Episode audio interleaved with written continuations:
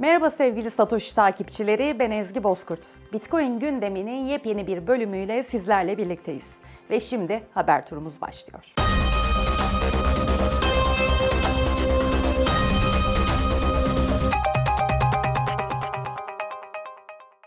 Rusya, Bitcoin'in enerji ticaretinde kullanımına yeşil ışık yaktı.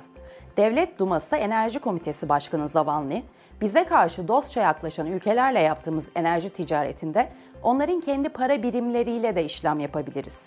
Ruble yuan da altında olabilir. Talep gelmesi durumundaysa Bitcoin'le de yapabiliriz dedi.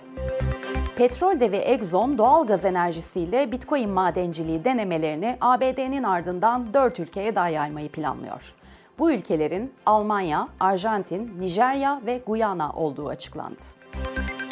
Bitcoin gibi iş kanıtı sistemiyle çalışan kripto paralara yasak getirilmesini öngören madde, AB'nin MICA düzenlemesinden tamamen çıktı.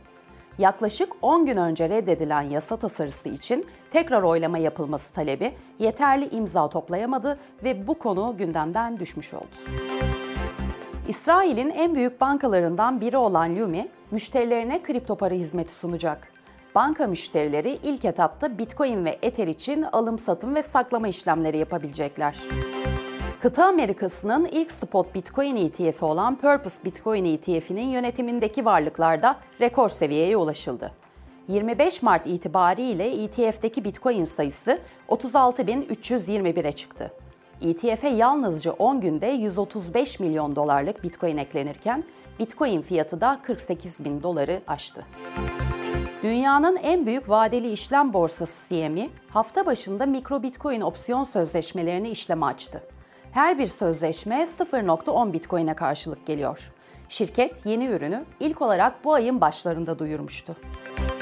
Terra blok zincirinin geliştirici şirketi Terraform Labs, pazartesi günü 135 milyon dolarlık Bitcoin alımı yaptı.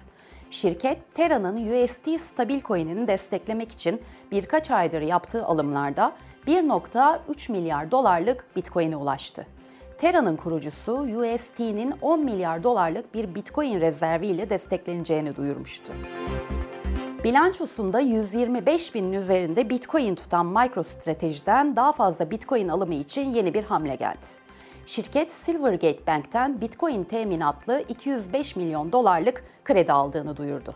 MicroStrategy bu krediyle Bitcoin'lerine yenilerini ekleyecek.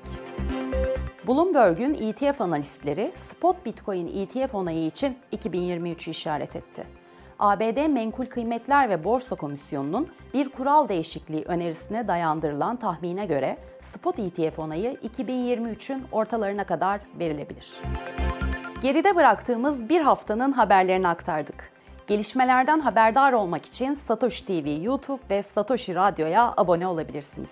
Haftaya yeni haberlerle görüşünceye dek hoşçakalın.